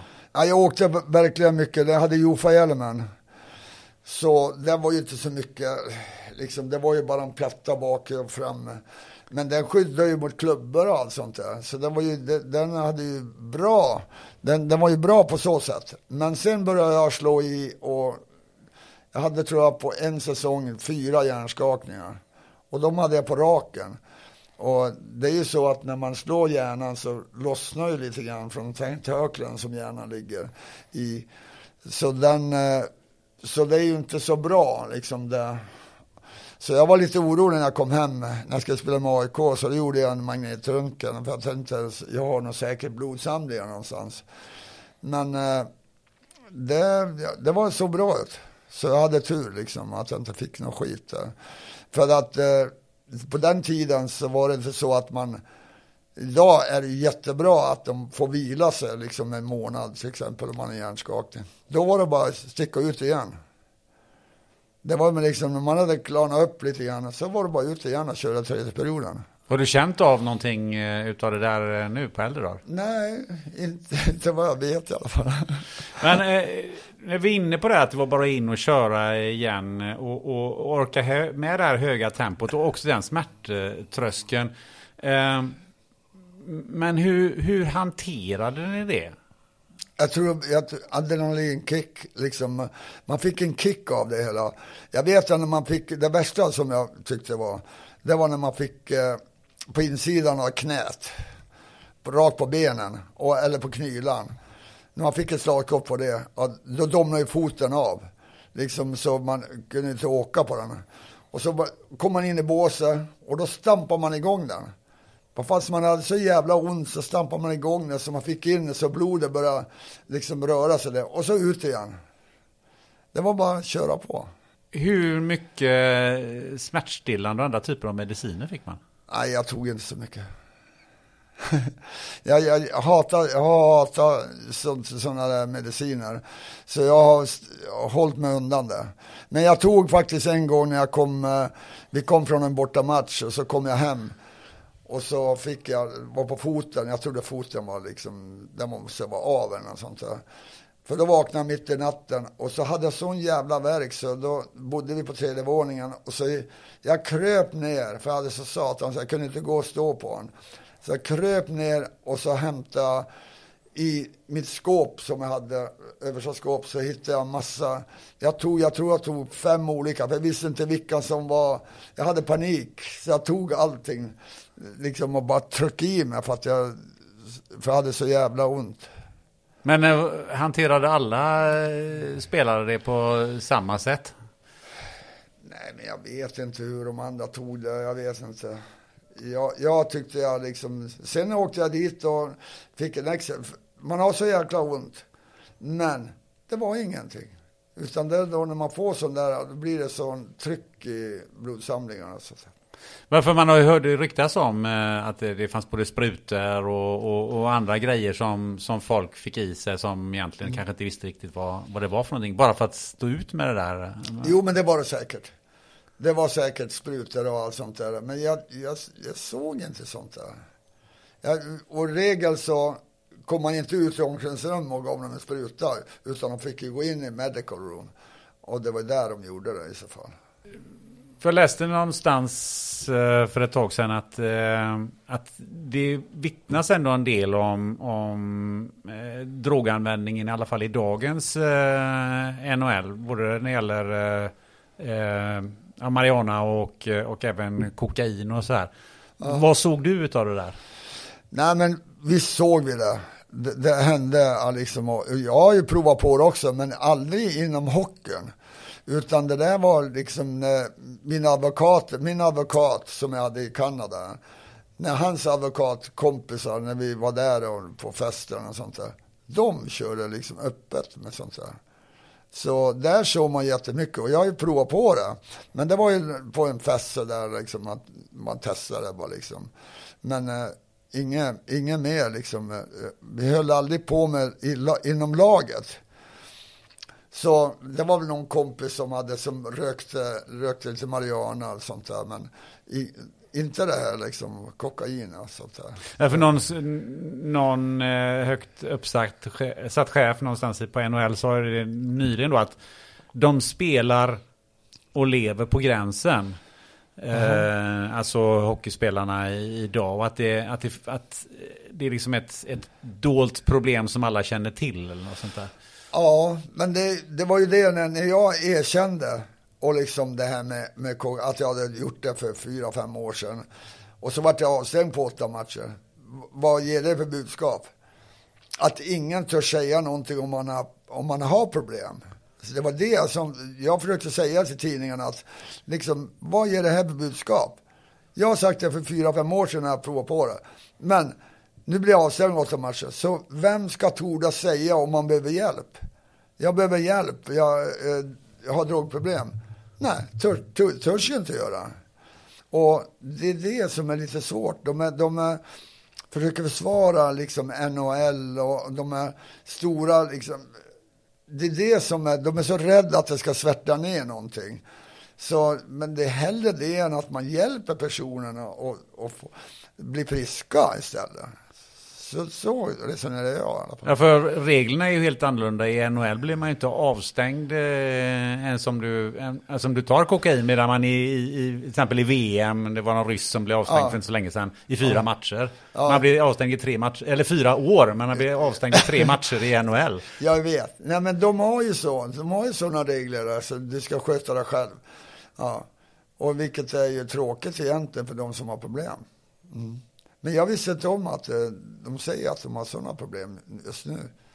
Jag tänkte kanske om att de har fått lära sig lite grann. Du, du, eh, du fyller ju 71 eh, om inte ja. så länge så får jag säga grattis i förskott. Ja, men tack så mycket. Tack. hur, hur, hur är det att vara 70 plus? Jo, men 70 plus, man är lite Nej, men visst har man ont lite grann. Jag har lite artros i axlarna och lite sådana här. Eh, men annars så tycker jag jag känner mig bra. Liksom, jag klarar mig rätt så bra. Jag är ute och går mycket och jag kör, kör liksom, tränar mycket på gymmet och också försöker hålla igång. Och jag tror att för mig så är det väldigt viktigt att träna och hålla igång. För att då tror jag håller igång musklerna och man, man, ja, man, man rostar inte ihop, brukar jag säga.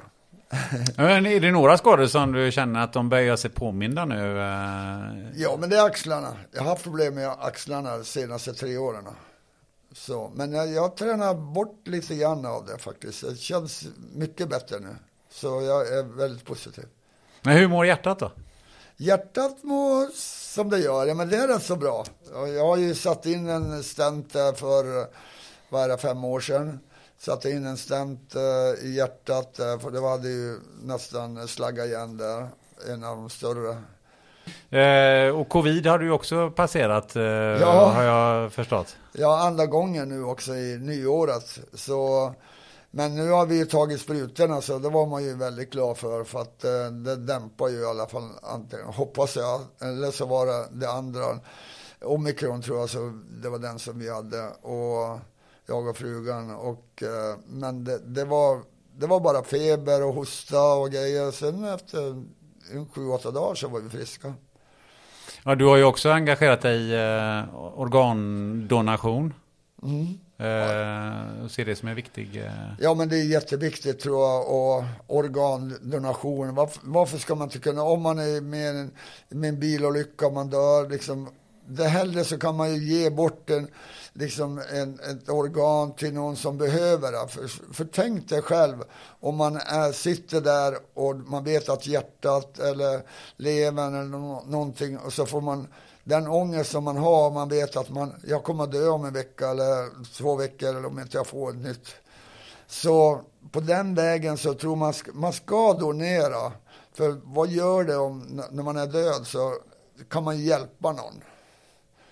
Som, Du, du ehm, eh, den intervjun vi har idag sköter ju på lite grann för också Ja. lite hälsoproblem. Är det någonting du vill prata om?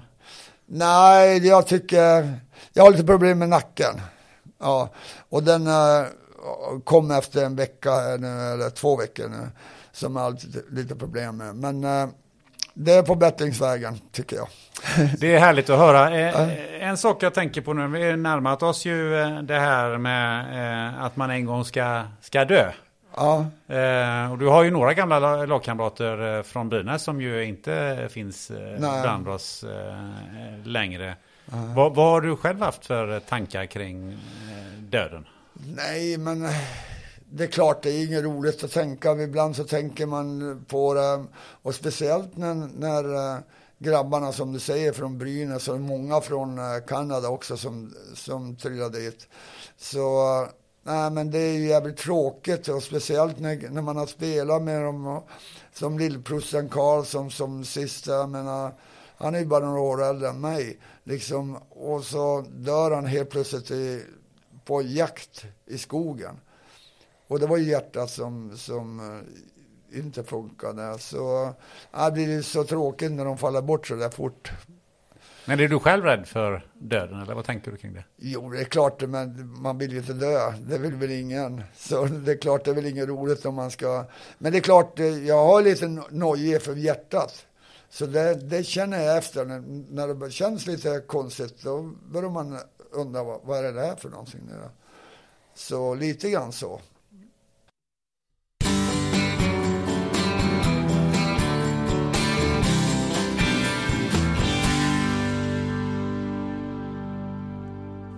Väntar du eller någon i din närhet barn?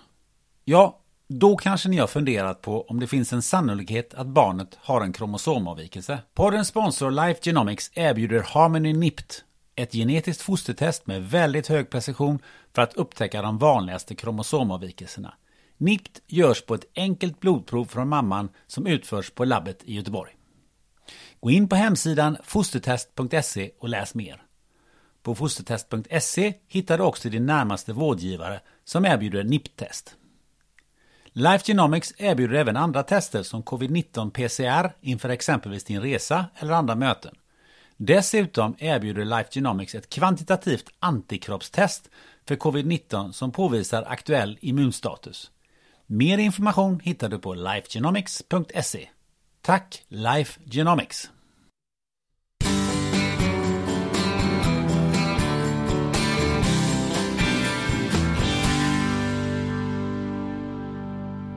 Men om, om, vi, om, om vi går från, från det eh, till, om du tänker tillbaka när du, när du spelade hockey och du slutade att spela. Vad fanns det, vad, vad hände med dig då? Fanns det någon saknad eller liksom, hur kom du fram på att nu är det dags att sluta?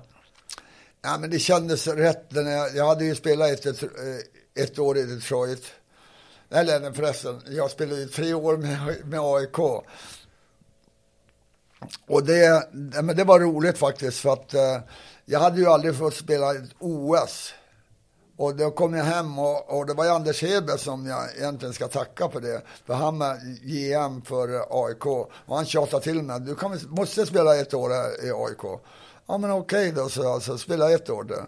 Och så, sen spelade jag ett år till och då kom jag med i OS och fick vara med i OS. Och det hade jag aldrig fått vara med på grund av att när man spelade borta, nu kan man ju få vara med i OS. Men då fanns det ingen plats att spela OS, vilket var väldigt tråkigt att spela för Sverige. Men, eh, så det var väldigt roligt att få, få vara med om det. Så, men, eh, så nu efteråt så, nej men det kändes bara bra att sluta, för jag hade gjort, gjorde illa med mitt knä. Så, eh, och då jag åkte på en smäll där och någon ramlade på knät och då tänkte jag så här, nej nu får det vara nog. Och det var så jag tänkte, år efter år, eh, ett år taget, ett år i taget. Och sen, ja, jag fick ju vara med i Canada Cup också, eh, 91 också, så det var ju jävligt roligt att spela med i AIK. Men eh, sen när man eh, slutade, alltså det, då var det bara som att nej men nu får det vara nog, för det har jag gjort illa med. Så, så länge jag är frisk och kry så då ville jag spela. Men då tänkte jag nu, nu är jag knät, nu får det vara nog. Men hur vad gör man då om man inte får det adrenalinpåslaget eh, flera gånger i veckan? Vet du vad jag gjorde? Jag anmälde mig till, till Stockholm Marathon och alla de här eh, halvmaran och så de här eh, Stockholmsloppen, 10 kilometer de anmälde jag mig till, för jag tänkte så jag kommer inte bli en ölsittare framför tvn. Så då var jag tvungen att träna. Så det var därför, då körde jag på bara. Men det står ute, visserligen står de ju och hejar på det där också, men det är inte samma sak som att glida in på en arena med 20 000 galna fans. Nej, det är sant faktiskt. Men man saknar inte det. Jag tror man, jag var ju, jag var ju 43 när jag slutade, så jag hade ju fått min dos ja, för jag, jag, såg här eh, Zlatan häromdagen var lite smårädd för att, för att sluta eh, sin fotbollskarriär. Eh, det var också det här att, ja men, eh, hur, hur är det att inte springa in i, inför en fullsatt arena och, och den här adrenalinet? Det, det blir en sorts knark det också. Jo, men det är klart det är det. Visst är det roligt och liksom man får applåder och allt sånt där. Det, det är självklart. Och det andra livet, liksom när man spelar och allt sånt där. Men man får av andra saker också, tror jag. Så man behöver inte tänka så mycket så. För det är ju många gamla elitspelare som, som får de ja. problemen. Ja, men vet du vad? Jag hade, jag hade så mycket med underkläderna och allt sånt där, så jag hade fullt upp med allt sånt. Så när jag slutade så det var det fullt upp med, med jag hade inte tid då egentligen att spela hockey. du, eh, och nu så eh, ska vi avrunda med att säga att nu ska det bli film också. Ja, nej men det är ju spännande som tusan och det, det, det ska bli jättespännande att se hur filmen blir. Och eh, vi håller på liksom jättemycket. Vi har skådespelarna är klara liksom. Där. Walter ska ju spela Skarsgård, ska ju spela mig. Och sen eh, har vi de andra också, men de får jag inte säga än. Men eh, vi hade möte häromdagen och det, vi gjorde klart, det ska bli en serie på sex stycken. Så vi gjorde klart de tre manus, sista tre manusar, så jag har varit med. Jag är med hela tiden och hjälper till. Och nu åker vi över till Kanada och nu ska vi intervjua Jerry McNamara och lite några andra killar där borta. Och eh, manusförfattare är faktiskt en, den tidigare fotbollstalangen Martin Bengtsson ja, från Örebro. Ja. Och han har ju eh, gästat den här podden. Ja, ja, visst. Nej, men vad roligt. Ja, ja. han var det med. Ja, ja kul. Ja. Nej, men Martin är jätteduktig att skriva. Ja. Vad är, vad är, vad är de viktigaste sakerna som, som du måste lära Skarsgård? ja, det är mycket skridskoåkning och sådana. Han har, han har min fystränare som, eh, som han har kört hårt nu med, liksom, med kroppen och liksom sånt där. Och sen har han tre skridskotränare som han kör hårt med teknik och allting. Så han har fullt upp. Vad är, vad är det svåraste att lära honom? Ja, men jag tror också det här, han måste få in där kanske min skridskoåkning. Jag var ju speciell. Och det, här och så, jag kunde vända på, kanske, nej jag ska inte skryta nu, vända på en femöring. Men det måste han också kunna göra, liksom lite sådana här grejer. Ja, men det måste ju vara oerhört svårt att lära sig åka skridskor så bra som en hockeyspelare. För jag även om jag åkt lite, jag har åkt mycket skridskor som barn, men ja. jag, jag skulle liksom aldrig nå dit? Det måste Ja, vara oerhört svårt. Det är det han håller på att träna nu. Det tekniken och allting. Så han tränar ju lite tre gånger i veckan. Så han kör ju hårt som tusan. Så det ska bli spännande att se. Du ska ju inte avslöja några skådespelare, men eh, kan du avslöja om du själv ska vara med? Ja, jag är med någonstans. Du är med någonstans. Ja, det, ser, det ser vi fram emot. Eh, för att avrunda det här eh, med någonstans. Eh, det är ju ett ställe som jag har saknat och jag tror att hela svenska folket har saknat Börje Salming och det är nämligen Mästarnas Mästare. Ja. Nej, När får men- vi se det? Nej, men jag tror inte jag kommer vara med där. För att jag, det är på grund av hjärtat. Som, är- man får ju inte ta i 200. Utan jag har ju fått släppa det. Liksom det här att ta ut i 110-120 istället för. Så jag får ju ut och springa, göra rätt för mig, men träna. Men ta det lugnt. Inga tävlingar här, sa läk, läkaren åt mig. Men det var samma sak med Anders Hedberg förstod jag. Ja. Han skulle ju varit med Just det. förra året. Ja. Jag vet. Så det, det är ju så. Vi blir äldre, så måste man vara lite försiktig. Ja, eh, då får, vi, då får vi leva med eh, Börje Salming utanför Mästarnas Mästare. Men eh, vi är väldigt glada att vi har, fått ha dig eh, här i den, i den här podden. Ja. Hur, hur, hur har det här känts? Vi har suttit här och tjatat i en och en halv timme. nej, men det, här var jätteroligt. Och det är roligt att få berätta och liksom att folk förstå. För på den tiden som jag, när vi var där borta, så fanns det ju inget YouTube, det fanns inget Instagram, det fanns inget sånt. Så det var ingen som visste vad, vad som hände där borta egentligen. Under min tid, i alla fall 70-talet. Ja, så, och någon gång skrev de om någonting där borta i tidningarna, men annars var det inte så. Så det väl roligt att någon får reda på vad som har hänt där borta. Börje, om eh, jag skulle eh, intervjua någon annan här i eh, podden, vem tycker du jag borde intervjua? Ingemar Stenmark, Varför då? för att han är så en jäkla fin kille. Han, eh, han har ju varit, vi har ju bott eh, på Karlsund i Vaxholm och han var ju min granne och han, han är en jättefin kille. Så han, han ska du prata med, för han har mycket att berätta om. Tror du Ingemar skulle ställa upp i den här podden?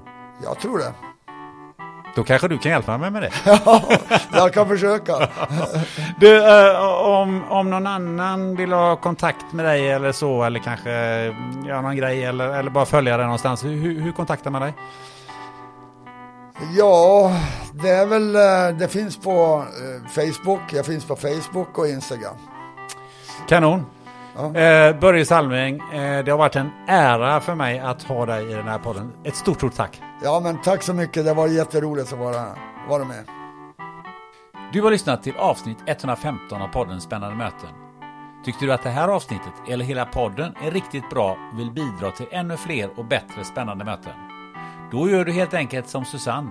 Du swishar valfritt belopp till 123 611 4680. 123 611 4680. Numret hittar du också på hemsidan spannandemoten.se. Tack Susanne för ditt bidrag denna månad. Som du vet så kommer det alltid ett nytt avsnitt varannan torsdag. Jag har vid några tillfällen utlovat Oskar Jöback utan att leverera just Oskar Jöback. Men nu blir det av. Nästa avsnitt blir fullt med pepp av en kille som strålade under hela intervjun. Jo, vad gör du till dess? Jo, du bjuder hem en vän och så tar ni av er allt utom underkläderna. Sen räknar ni hur många stygn ni har sytt tillsammans på kroppen. Jag slår vad om att ni inte kommer upp i Börjes över 600. Ha det gött!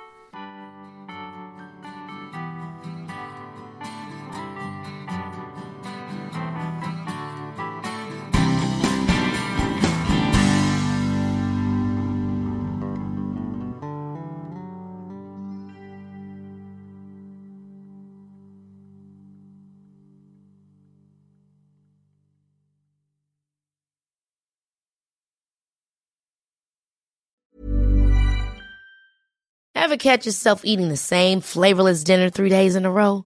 Dreaming of something better? Well, HelloFresh is your guilt-free dream come true, baby. It's me, Gigi Palmer. Let's wake up those taste buds with hot, juicy pecan-crusted chicken or garlic butter shrimp scampi. Mm. Hello Fresh. Stop dreaming of all the delicious possibilities and dig in at HelloFresh.com. Let's get this dinner party started. Hello, this is Danny Pellegrino, host of the Everything Iconic podcast, and I'm here to tell you all about Splash Refresher because hydration is mandatory, but boring is not.